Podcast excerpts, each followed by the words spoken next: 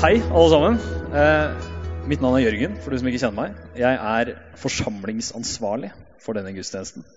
Det er eh, et kul tittel på en mann som er vikar for Kristin, som egentlig er pastor til vanlig. Så jeg er ikke pastor, men jeg gjør mye av det samme. Altså, ja, det skjønner. Veldig fint å se akkurat deg. Eh, jeg kjenner jo ikke alle her på fornavn, men jeg vet at når du er en del av dette fellesskapet, og du, har, du kommer jevnt, så er du med og backer dette her. Du er med og tror på det samme. Og da vet jeg at vi connecter bra. Det betyr jeg er glad for å se deg. Og vane å gå på gudstjeneste, det tror jeg er så viktig. Å komme hver søndag. Det er vanskelig når det ikke er det, men med en gang du kommer i en vane, så tror jeg dette kan være en av de mest livsformende vanene du kan ha. Da. Så godt å se deg. Eh, og nå syns jeg høsten virkelig har kommet i gang. Altså, Vi har hatt Philadelphia-konferanse, som vi har snakka om siden mars helt til september. Godt å krysse av den. Vi er snart ferdig med september, og i dag skal vi ha siste tale i taleserie nummer to. Er det flere av meg som syns det har gått fort? Ja. Høsten renner ut mellom fingra. Det er følelsen jeg har. Men etter et lite opphold forrige søndag, da Halvard prekte om utvid, så skal vi avslutte serien om Den hellige ånd. Og jeg skal snakke om hva gjør Den hellige ånd. Og for å repetere kjapt, da, så har Terje han var her, det begynner å bli tre uker siden, men han har vært og snakket om hvordan vi kan leve fylt av Den hellige ånd. Altså at vi tar imot Den hellige ånd ved troen på Jesus og vil la Han veilede oss i måten vi lever på. Og så har Daniel vært her, og han har prekt om hvem er Den hellige ånd. At Den hellige ånd den er ikke bare en fjern kraft eller idé, eller et eller annet, men Den hellige ånd det er en guddommelig person. Det er Gud her og nå, i oss og rundt oss. Likestilte treenigheten med Faderen og Sønnen. Så en viktig, viktig fyr. Og jeg skal avslutte i dag med hva Den hellige ånd gjør. Og det kan hende at dette blir litt repetisjon, men det tenker jeg vi tåler. For dette her er sentralt, og det er svære temaer. Og helt siden jeg fikk vite at jeg skulle tale om hva Den hellige ånd gjør, så ble jeg litt sånn spent, fordi jeg har litt mindre teologisk bakgrunn enn mange av de andre. Men jeg har et ganske sånn kjært forhold til Den hellige ånd. For jeg har vokst opp i en karismatisk menighet hjemme i Hamar. Så we go way back. Jeg er vant til litt sånn Hellige ånd-action, som jeg kaller det. Det er spennende. Eh, så jeg skal prøve, eller jeg skal, pakke opp dette på en tror en grei måte på den neste halvtimen. Sånn som de før meg har gjort. Og til deg som sitter her og tenker Den hellige ånds gjerning, endelig kommer det til tema. Som jeg kan sitte her og slappe av, så tror jeg jeg må skuffe deg litt. Fordi er det noe jeg har skjønt når jeg jobba med den her, så er det A. Den hellige ånd. Det er fantastisk at han er her. B. Han ønsker å leve i meg. Det er noe av det jeg trenger mest. Og C. Dette. Dette er en utfordring. Og jeg håper i dag at vi skal klare å se noe av det konkrete ved Den hellige ånds gjerning. At det ikke blir bare sånn svevende greier, men at vi skal la oss utfordre av det. Ta det på alvor, for Den hellige ånd som jeg sa, det er Gud i oss og rundt oss her i dag. Og jeg tror at han ønsker at vi skal gi ham mer plass i våre liv. Jesus, takk for denne søndagen her. Takk for at du har gitt oss Den hellige ånd, sånn at vi kan ha deg sammen med oss alltid. Jesus, gi oss ører som hører, og hjerter som forstår det du har talt om før, og det jeg prøver å fortelle om nå. Gud, bare la oss være her til stede. Til stede i ditt nærvær, og få se noe mer av deg i dag. Og la dette være til din ære, far. Amen. Jeg håper du er klar for en uh, teologisk matpakke på 30 minutter. Det, når, når det blir sånn Helligånd, så må vi ha med mye tekst. Fordi vi må forstå, vi må se sammenhenger. Så Samtidig så håper jeg at du kan bli litt glad i Hei, dette står faktisk i Bibelen. Dette kan jeg lære. Dette kan jeg forstå ved å lese. Og Jeg har lyst til å starte der Jesus han gir disiplene løfte om talsmannen, står det ofte i Bibelen. Et annet navn på Den hellige ånd. Og I dette avsnittet så forteller Jesus hvorfor det må bli sånn som det blir. Og Dette her det står i Johannes evangeliet. Litt snufsete. Unnskyld at jeg snuffer inn i mikrofonen. Jeg håper det går bra. Vi leser. Jeg fortalte dere ikke dette fra begynnelsen av, for da var jeg hos dere. Nå går jeg til ham som har sendt meg. Men ingen av dere spør, hvor går du? For sorg har fylt hjertet deres fordi jeg har sagt dere dette. Men jeg sier dere sannheten. Det er det beste for dere at jeg går bort. For dersom jeg ikke går bort, kommer ikke talsmannen til dere. Men går jeg bort, kan jeg sende ham til dere. Og når han kommer, skal han gå i rette med verden og vise dem hva synd er, hva rettferdighet er, og hva dom er. Synden er at de ikke tror på meg, Rettferdighet det er at jeg går til far, og dere ser meg ikke lenger. Dommen er at denne verdens fyrste er dømt. Ennå har jeg mye å si dere, men dere kan ikke bære det nå. Men når sannhetens ånd kommer, skal han veilede dere til hele sannheten. For han skal ikke tale ut fra seg sjøl, men si det han hører, og gjøre kjent for dere det som skal komme. Han skal herliggjøre meg, for han skal ta det som er mitt, og forkynne det for dere. Alt det som min far har, er mitt. Derfor sa jeg at han skal ta det som er mitt, og forkynne det for dere. Og Jesus forklarer ved disiplene egentlig greit. Han skal gå bort fra dem. Og det er totalt uforståelig for disiplene. Altså Messias, som har vært profetert om i hundrevis av år, han er her endelig, men nå skal du stikke. Altså, Før du har fiksa alt som er gærent i Israel, romerne er her fortsatt. Altså, Alle folk har ikke vendt seg om å leve for Gud nå. Men disiplene de skulle snart forstå at det er det beste at Jesus går bort. Fordi hvis ikke Jesus gikk bort, så kunne ikke talsmannen ha kommet. Og når han er her, så kom han til disiplene for 2000 år siden, og han kom til deg og meg i dag. Og det er ganske mye bedre enn at vi må til Jerusalem hver gang vi har lyst til å høre noe guddommelig veiledning. For det er der Jesus er, liksom. Men for å konkretisere det her, så har jeg prøvd å spørre spørsmålet hvorfor kom Den hellige ånd? Jo, altså Den hellige ånd kom for tre grunner. Og Det første målet til Den hellige ånd det er å veilede oss til sannheten. For å vise oss mer og mer av hvem Faderen og Sønnen er. Og for å vise deg og meg sannheten om oss sjøl. For det andre, altså det andre målet, så er Den hellige ånd her for å herliggjøre Kristus. For han skal ta mitt og forkynne for dere, sier Jesus. Når Den hellige ånd veileder oss til sannheten om Gud og oss sjøl, så ser vi at vi har kun Jesus å takke. Vår egen syndige natur den har ikke sjans. Ånden har med dette altså nådd sitt andre mål, som er å gi Jesus æren. Gjennom det så blir nåden enda større. Gjennom sannheten om oss sjøl og sannheten om Jesus så er det han som blir herliggjort, ikke vi. Og ikke Den hellige ånd heller, men Jesus. Altså Når vi kan komme og erkjenne at Jesus, vi er ikke helt perfekte, så kan han rense oss, og vi sitter igjen med et rent hjerte. Og det leder oss til Den hellige ånds tredje målsetning, som er å ta bolig i våre hjerter og fylle det med sin kjærlighet og sin kraft. Jeg vet ikke hvordan deres historie er med Den hellige ånd, men jeg har sagt det før, jeg sier det nå igjen. Mitt forhold med Den hellige ånd går way back. Jeg har vokst opp i pinsemenighet på Hamar sammen med flere her. Og det har vært bra der, men ettermøtene har blitt lange innimellom. Eh, gode erfaringer. Eh, men gjennom det her så har jeg altså opplevd at jeg har blitt fylt av Den hellige ånd. Da, som vi synger om i sanger som man kanskje ber. Og det betyr at jeg faktisk har kjent det på kroppen. Da. Jeg har kjent det i hjertet. Jeg har blitt fylt med en glede, med en fred. Og noen ganger for min del så har det egentlig vært en sånn slags målbevissthet som har fylt hjertet mitt. At jeg kjenner at 'Å, dette jeg står i nå, det er bra. Eller dette, dette må jeg gå for. Og vi som har gått i Filadelfia Hamar, vi pleier å si at Den hellige ånd han bor i gymsalen på Trysil ungdomsskole. For det er det stedet vi pleide å dra i vinterferien på sånne ungdomsturer. Og uh, mellom all lek, moro, skikjøring, så var det gudstjeneste på kvelden. Og jeg tror ikke jeg kan, jeg kan telle på én hånd de gangene jeg ikke har opplevd at Den hellige ånd har møtt oss der. At Den hellige ånd har vist seg gjennom tungetale eller profetiske ord til hverandre eller glede. Og En gang så var det en kompis han ble, ja, han ble helt så berørt at han ble helt lam. Han klarte ikke å røre seg. Merkelig. Lå flere timer, så vi måtte bære ham i seng til slutt. Eh, men da, Disse tingene er som, føles rart, men det oppleves bare godt for meg. Og Nå sitter du kanskje og tenker wow, hvor sjuk i huet er ikke du som har vært med på dette? Han får tale til her. Men ja, det gjør jeg altså. Men les det som står i Bibelen. Det er ganske mye sjukere at eh, folk vekkes fra de døde. At du reiser deg fra lammelser og blir fridd fra alvorlige sykdommer. Så jeg tror ikke det bare er he-he, vi har det hyggelig, som er Den hellige ånds plan. Jeg tror det er mye mer. Og poenget mitt i dag det er ikke å tegne et bilde av hvordan vi kan være en klubb som ruser oss på Den hellige ånd. Og det er ikke Den hellige ånds mål eller gjerning heller. Og tvert imot ønsker jeg å dele her fordi mitt, min reise med Den hellige ånd det er så langt ifra definert av disse opplevelsene. Jeg opplever sterke åndelige opplevelser, men det er ikke det som er hele historien min. Det som også er med å definere min reise med Den hellige ånd, det er altså en så stor variasjon i opplevd åndsliv at du skulle bare visst. Det er dette jevne drivet i hverdagen. Når man går fra det ene til det andre. Og jeg kjenner at oh, nå har jeg nesten glemt at den fins. Og så kommer jeg på det igjen at å, ja, han er jo her. Men jeg vet ikke, Kanskje dere føler det samme, men jeg er ikke alltid jeg føler at Den hellige ånd er i meg. Jeg vet at den er der, men det er ikke så lett å huske på det alltid av seg sjøl når man ikke liksom kjenner det. Og det innebærer de periodene der jeg føler at nå er jeg flink. Nå får jeg til mye. Jeg klarer å pushe gjennom. Jeg gjør det bra på skolen, jeg gjør det bra på jobben. Jeg har tid til mye. Tida bare raser av gårde så fort at jeg rekker ikke å oppsøke hvile. Jeg rekker ikke å oppsøke stillhet. at jeg bare å, legger meg på kvelden og så kjenner jeg Oi. Ja, takk for i dag, Gud.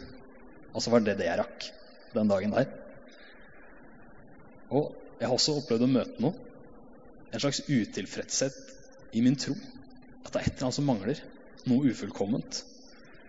Jeg har tenkt noe, liksom, Har Den hellige ånd blitt borte fra meg? Altså, det, Jeg kan oppleve disse sterke tingene, men så står jeg her i dag, og så kjenner jeg ingenting. Og skal jeg være ærlig, så var jeg nok litt på vei inn i dette sporet når jeg begynte å forberede meg til den talen her òg. Eh, for, eh, eller Da jeg var litt yngre, så husker jeg at jeg satt liksom og kom på møter og så tenkte jeg, jeg håper han ikke prater om noe som treffer meg i dag, for da kan jeg slappe av. Jeg pleier å sitte litt lenger bak før. Eh, så jeg har skjønt at det å forberede prekener er mye verre. Da blir, da blir du arrestert hele veien.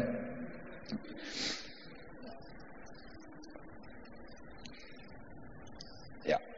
Kanskje sitter du her og så kjenner du på de samme tingene som meg. En avstand til Den hellige ånd. Eller så er du her og bare har en helt annen reise. Men jeg tror det er så viktig å si at det ikke fins noen fasit for hvordan det skal se ut, hvordan det skal føles, eller hvordan du skal liksom, gjøre Den hellige ånd. Og jeg kan ikke stresse det nok, tror jeg. Altså, Det finnes ikke noe fasit. Fordi du og sidemannen, dere er så forskjellige. Det er ikke noe sånn at han skal ta det tungere, og jeg skal også gjøre det. for å. Altså, det er ikke noe riktig. Men det jeg tror, og det er jeg helt sikker på, det er at Gud ønsker at Den hellige ånd skal ta mer plass i våre liv, at vi skal la Han få fylle oss. Ok, For å gjenta Den hellige ånd har tre målsetninger. Han skal veilede oss til hele sannheten. Nummer to, han skal herliggjøre Kristus. Og for det tredje, han ønsker å ta bolig i våre hjerter. Nå kommer vi liksom til virkelig core matter i denne talen her, og vi skal se nærmere på hva Den hellige ånd faktisk gjør da, for å nå disse målsetningene. Og Det er tre ting vi skal snakke om i dag. Den hellige ånd han veileder til sannheten. Det er bra når du skal komme til sannheten. Nummer to han ransaker dybdene i Gud. Og nummer tre han skal herliggjøre Kristus. La oss begynne med den første. Går det greit? Det er bra. Ingen sover ennå. Det er så tidlig på ettermiddagen, så det går greit. Ånden veileder til hele sannheten. Men når sannhetens ånd kommer, skal han veilede dere til hele sannheten. Og Det står i Johannes kapittel 16, vers 13. For å si det på den måten, Ånden hjelper oss å holde det ekte. Altså Dette løftet fra Jesus det er ett av de viktigste han har gitt oss. Fordi Før Den hellige ånd kom til alle, så var det ikke sånn at vi hadde en sannhetens ånd i oss som fortalte oss hvordan ting skulle være. Altså, Hadde du spørsmål om tro eller liv, da var det bort til rabbin å høre. For han har mer peiling om tradisjoner, om skrifter. Så det var ikke sånn at alle hadde en indre stemme der som bare hjelper oss. Eh, det du hadde, det var loven. Og for deg som ikke kjenner det, det er så loven gitt ved Moses. Og hvis du leser de greiene, så skjønner du dette er svære greier. altså. Og så skjønner du vi trenger veiledning, og vi trenger nåde for å komme oss gjennom de greiene her. Og jeg syns også israelsfolket er et så godt eksempel på det her. Og når jeg har lest i Gamle testamentet, så tenker jeg verdens verste vinglepettere. Er det mulig, altså? Det er altså helt sjukt. Du kan tenke deg at du har nettopp blitt fridd ut fra slaveri i Egypt gjennom store, overnaturlige hendelser. Du kommer til Rødehavet. Det deler seg. Du går gjennom. En flammende søyle av ild passer på deg fra himmelen. Ting ser bra ut. Profeten vår skal bare opp og få noe greier. Og så går det to minutter, føles det som i teksten, og så Vi trenger en gullkalv som vi kan synge til i stedet. Altså, du skjønner at det er et eller annet som ikke stemmer helt her. Og det at de mangler sannhetens ånd i seg, det er en av faktorene. Israelsfolket de trengte dommere, de trengte profeter, og de trengte konger for å veile seg i det som var rett. Men nå så har vi talsmannen på plass, og han er tilgjengelig for alle som tror. Og da er casen helt snudd på hodet. Vi har en sannhetens ånd i oss som hjelper oss å tenke rett og handle rett. Og han leder oss til sannheten om hvem Gud er. For Paulus han skriver i Efeserbrevet kapittel 1 vers 17. Jeg ber om at vår Herre Jesu Kristi Gud, herlighetens Far, må la dere få en ånd som gir visdom og åpenbaring, så dere lærer Gud å kjenne. Og kanskje er du her og har helt konkrete opplevelser med dette her. Et, du, du, leser et skriftsted i Bibelen du ikke forstår, eller du, du står i en situasjon som du ikke ser helt hvordan du skal løse. Men så er det et eller annet som skjer. Du får noen nye tanker, du får ny inspirasjon, og plutselig så ser du ting i et helt nytt lys. Og så er det ikke dine egne tanker eller din egen kreativitet eller fantasi. Det er Den hellige ånd som taler inn i ditt liv. Og dette er noe jeg, jeg har opplevd sjøl ved flere anledninger, og det er bare helt rått. Når du kjenner at Den hellige ånd pusser brillene dine, eller linsene i dette tilfellet, for å vise deg at du ikke har catcha helt ennå. Men som du sikkert kjenner deg igjen, så er det ikke sant at jeg opplever det hver dag. Og jeg opplever det egentlig ganske mye sjeldnere enn det jeg skulle ønske. Og her også. Jeg er blitt arrestert igjen av Den hellige ånd under forberedelsen til denne prekenen. Det er én av sikkert fire ganger jeg skal oppsummere til. Så det er ikke så lett. Men når han satte sammen noen skrifter for meg sammen med tidligere erfaringer, så begynte det å gi litt mer mening. Og jeg begynte å innse at den distansen jeg har følt Den hellige ånd, det handla mer om min posisjonering. For hør her hva Lukas skriver om Johannes døperen. Og mens Annas og Kaifas var øversteprester, da kom Guds ord til Johannes, Zakarias sønn, i ødemarken. Herrens ord burde jo kanskje ha kommet til yppersteprestene, altså gutta som var helprofesjonelle og holder til i tempelet. Men åndens stille tale den nådde ikke gjennom larmen i Jerusalem. Men den nådde fram i ørkenens stillhet og i ørkenens ensomhet. Fyller vi livene våre med så mye greier, så mye støy, at det ikke når fram? Når ikke åndens stille tale gjennom Oslos larm og helt frem til deg? Altså, Hvis du noen gang har prøvd å få kontakt med barn på en lekeplass hvor det er en million ting å se på, en million ting å gjøre, det er helt umulig. ass. Og hvis du får øyekontakt, de kommer ikke til å få med seg det du sier. Og jeg ser for meg Den hellige ånd som prøver å veilede oss, prøver å gi oss de rette ordene. Og så svirrer vi bare rundt med smarttelefonen vår her, og så har vi ambisjoner i den andre hånda, og så prøver vi å balansere et behov for å bli sett på toppen. Og så foran oss så er det en million muligheter som vi må velge mellom. Alt dette bare krever så høylytt vår oppmerksomhet. Og gang på gang så er det ikke de rette ordene som når inn. Ta et lite øyeblikk der du sitter nå. Altså, Når var sist gang du var stille? Når var sist gang du la fra deg mobiltelefonen din, jobben, bekymringer, skole og bare var til? Var til innenfor Guds åsyn? Det her det ble en så konkret utfordring for meg at jeg bare jeg må bruke mer tid i hverdagen på det her. Og Vi jobba litt med det i småfellesskapet mitt, og vi bestemte oss for at ok, ti minutter hver dag, det skal vi prøve å klare. Det føles helt sjukt mye med en gang, men uh, det er jo ikke så mye med ti minutter. Og dette, altså Nå deler jeg bare fra mitt liv, men dette har vært en game changer for meg altså, på kort tid. Jeg har gått fra å føle at jeg har vært litt sånn uinspirert. Det har vært tungt å dra i gang og be, tungt å dra i gang tilbedelse. Åndelig inspirasjon, psh, jeg bare glemmer. Til å kjenne at Yes, jeg har noe jeg ber for, jeg har noe jeg brenner for. Når vi begynner å lovsynge, så kan jeg koble meg raskt på. Og jeg har fått helt konkrete opplevelser at Den hellige ånd gir meg ord, gir meg bønner som jeg skal be, personer jeg skal gå og snakke med. Og det er helt rått. Og igjen så må jeg spørre deg når var sist du var stille innenfor Gud? Gir du han tid? Gir du han rom til å veilede deg? Og det er en så enkel ting å bare Her er jeg. Men så er det så vanskelig samtidig. Dette her er bare den første av Den hellige ånds gjerninger. Han veileder oss til sannheten. Og vi skal videre til nummer to. Det er jo heavy teologisk pakke. Jeg håper det går bra. Simon følger med fortsatt. Da er det greit. Ja. Pleier å bli tungt utover eftan. Ånden ransaker dybden i Gud. Det er den andre av åndens gjerninger. Eller for å si det på den måten her, da. Den hellige ånd tar deg med på rundtur i Guds rike. Det eneste du må gjøre, det er bare å bli med. Og Paulus han skriver om dette her i hans første brev til korinterne. Det har Gud åpenbart for oss ved sin ånd. For ånden utforsker alle ting, også dybdene i Gud. Og Når vi så har plassert oss i stillheten og gjort oss tilgjengelige for Den hellige ånds veiledning og hans sannhet, så er det ikke hva som helst Den hellige ånd gjør. Han tar oss med på en reise inn i dybdene av Gud evig så har Ånden fortsatt å lyse lenger og lenger inn i Guds dybder. Og han vil så gjerne at vi skal være med på den reisen. Han ønsker at vi skal få se mer av hvem han er, mer av hvem Gud er. Mer av hans vesen, mer av hans karakter. For deg som ikke kjenner til det her, Guds rike, alt høres sånn fremmed ut, så er dette noe vi får når vi tar imot Jesus, altså når vi blir født på ny. I 1. Peter så står det Lovet være Gud, vår Herre Jesu Kristi Far han som i sin rike miskunn har født oss på ny til et levende håp ved Jesu Kristi oppstandelse fra de døde. Altså Gjennom troen på Jesus så blir vi født på ny. Ikke sånn født på ny fysisk, men han skaper et nytt hjerte i oss. Jesus sa det også til Nikodemus.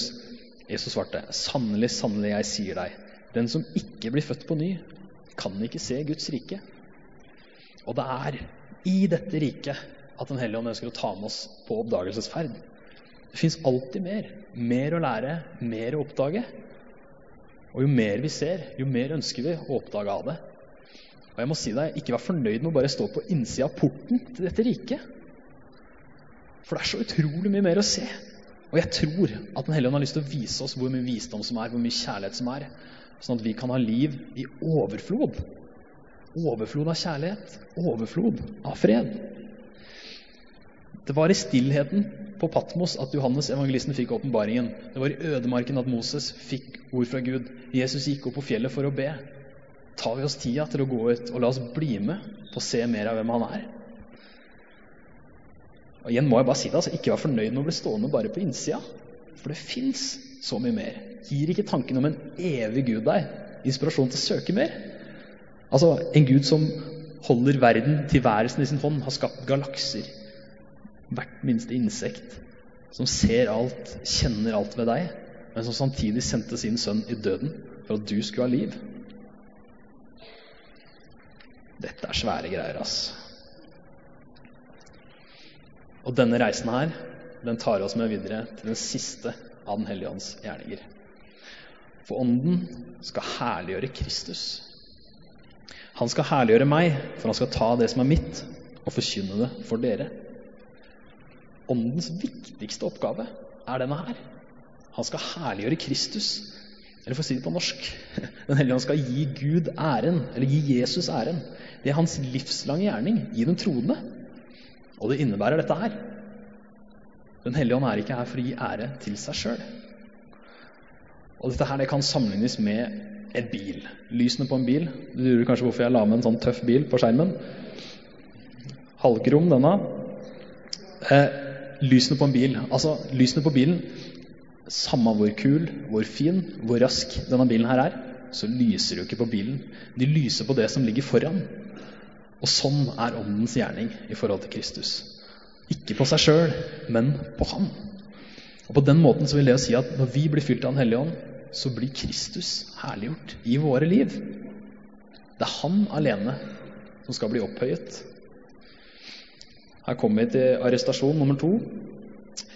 Enda et område i livet jeg syns har vært vanskelig.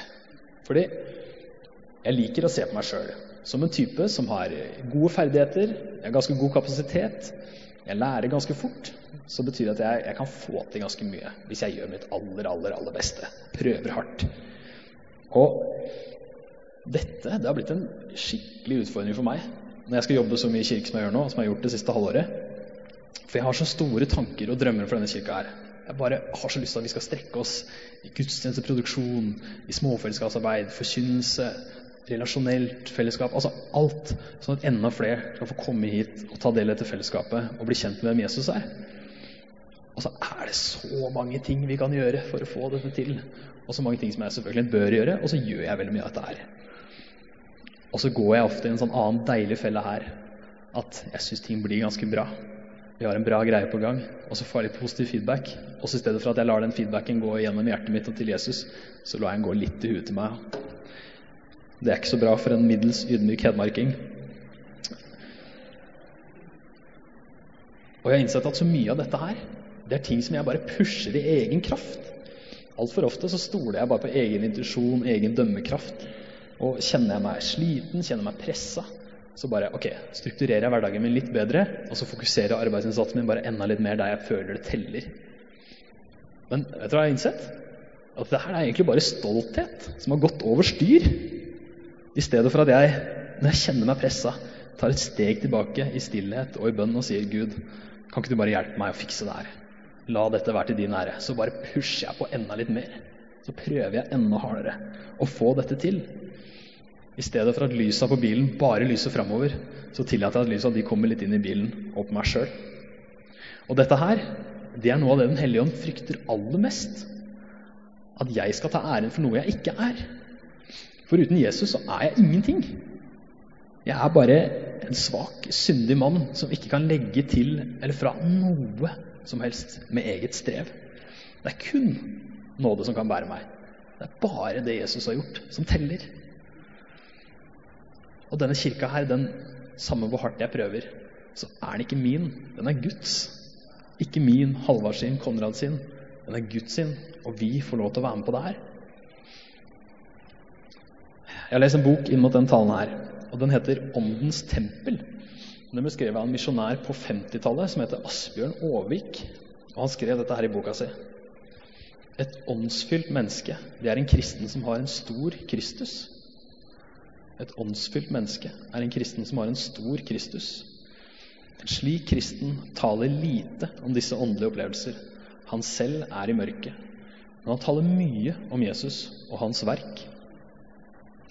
Og det er akkurat dette Ånden vil. At ikke vi skal bli store. At ikke han skal få æren, men at Jesus skal bli opphøyd. Vi må bare tillate at lyset det skal bare skinne på ham. Men for at lyset skal skinne på Jesus på en helt sann måte, så må vi også tillate at Den hellige ånd lyser på sannheten i oss. Og det er i denne spenningen altså, at vi må innse at vi kommer dessverre til kort. Vi kan ikke bære oss sjøl til rettferdighet. Og vi kan ikke klare å leve i Guds overflod uten å innrømme vår svakhet. For Den hellige ånd veileder til sannheten, og han veileder til sannheten om deg og meg. Og når vi lar Den hellige ånd lyse på hva våre hjerter, og det som ikke er til behag for Gud, så kommer kanskje disse tingene som du vet dette bør ikke være her. Eller så blir du kanskje minnet på noe som Oi, dette har jeg egentlig ikke tenkt på. Dette burde jeg ha kvitt meg med. Gjennom det her så kan vi la oss overbevise om rettferdigheten. Og vi kan bare si til Jesus, vær så snill, rens hjertet mitt. Og når jeg jobba med det her, så plutselig så ble det enklere å forstå profeten Jesajas ord. Så sier han som er høy og opphøyd, han som troner evig. Den hellige er hans navn. I det høye og hellige bor jeg, og hos den som er knust og nedbøyd i ånden. Jeg vil gi ånden liv hos den som er bøyd ned, Gi hjertet liv hos den som er knust. Og dette er Guds løfte til oss. At når vi kommer inn for Hans nådetrone, når vi legger våre mangler ned foran den, når vi er ydmyke og knust og nedbøyd, da skal Han gi oss liv. Liv i hjertet og liv i ånden. Og Jeg må spørre deg om du har fått lov til å oppleve det?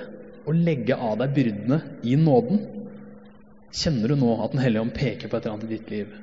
Eller er det her ikke ane hvem Jesus er, men du kjenner på en lengsel, så tror jeg at det er Gud han kaller på deg. Han vet hva du trenger. Og vi må bare gi slipp på det og gi det til han. Og gi slipp det gjør vi når vi vender oss mot han og sier Kom, kom og vær min konge. Enten dette er for første gang, eller om det er for tusende gang, så tror jeg han aldri holder opp med å søke etter oss. Aldri slutter å kalle på oss. Det er ingenting som er for stort og for fælt at Jesus kan tilby det. Og det er ingenting som er så lite at det er ubetydelig for ham. Fordi du betyr alt for ham. Kom og ta imot, sier han.